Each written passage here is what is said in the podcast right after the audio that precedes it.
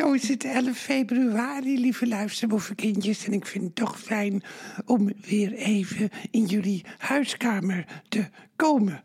Uh, ik heb nog buiten gekeken. Uh, dat uh, was Remkes. Heel interessant ook, ook wel ook hoor. En die begreep ook wel Pieter Omzicht, waar dominee Gremda dat vandaag ook nog over had. Nou gisteren hoorden we van Buster Fontijn hoe het precies in elkaar zat. Omdat hij op bezoek is geweest bij Pieter Omzicht. Maar Remkes had ook wel begrip voor uh, Pieter Omzicht. Hij vond wel dat je het niet kon doen uh, om zomaar de formatie te verlaten, zeg maar, ook naar de informateur toe.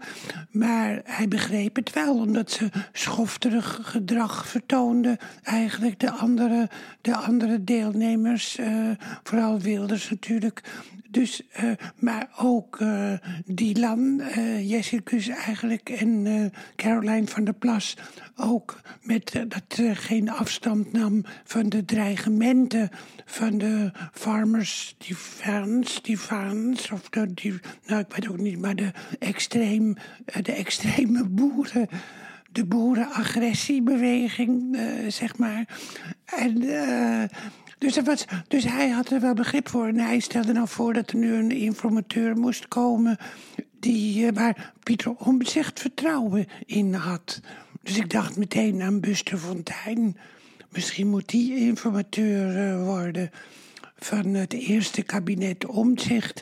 En Gremdaad had het er ook nog over dat hij waarschijnlijk een, uh, ja, een kabinet toch met VVD en, uh, en, en de boerenburgerbeweging, dat je dat krijgt met steun van de PVV. Nou ja, goed. Ik zou het er trouwens helemaal niet over hebben vandaag, over, over politiek. Ik had helemaal geen zin in. Maar ja, dat, het, het, is, het is, ik wil het eigenlijk hebben over die belachelijke actie. Ik geloof van die PITA, PITA heet, hè?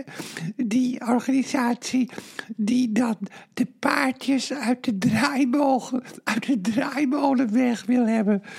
Ik vind het zo zot. En zouden die mensen nou zelf ook in de gaten hebben dat ze helemaal niet, dat ze helemaal van lotje getikt zijn? Of zouden ze dat echt menen? Ik, ik, kan ik het haast niet geloven. Ik kan het haast niet geloven dat iemand dat serieus meent. Ik, nou, vorige week ook nog met André van Duin in de zinderende zondagmiddagsalon. Uh, die ook zei dat bij die uh, animal crackers. Dat, uh, dat je niet meer in de dierentuin mag filmen, want de dieren die hebben ook portretrecht. En die mogen niet belachelijk gemaakt worden. Maar de dieren, die mogen toch wel belachelijk gemaakt worden. Zoals mensen ook uh, belachelijk gemaakt worden. Je neemt ze toch serieus. En dan alles wat je serieus neemt, mag je belachelijk maken. Maar ik vond het wel uh, heel komisch ook hoor. En ook wel...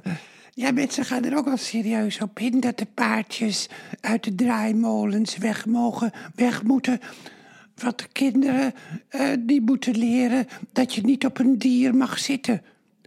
Maar op een paard mag je toch juist wel zitten. Dus uh, ja, dus het, is, het is absurd. Mensen zijn gewoon niet meer goed bij hun hoofd. Maar goed, misschien moeten we. Het, is dat dan woke? Volgens mij heeft het niks met woke te maken. Ja, wat wel met woke te maken heeft, weet ik eigenlijk ook niet.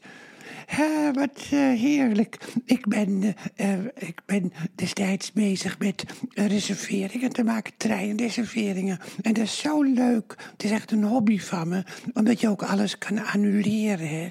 Dus dan ben ik bezig ook met de Eurostar reserveren en dan weer annuleren. En zo kom ik mijn dagen wel door. Nou, ja, ik weet ook eigenlijk niet wat ik verder uh, moet zeggen. Ik wil wel eens bij jullie op bezoek komen. Maar ja, jullie komen in ieder geval bij mij op bezoek.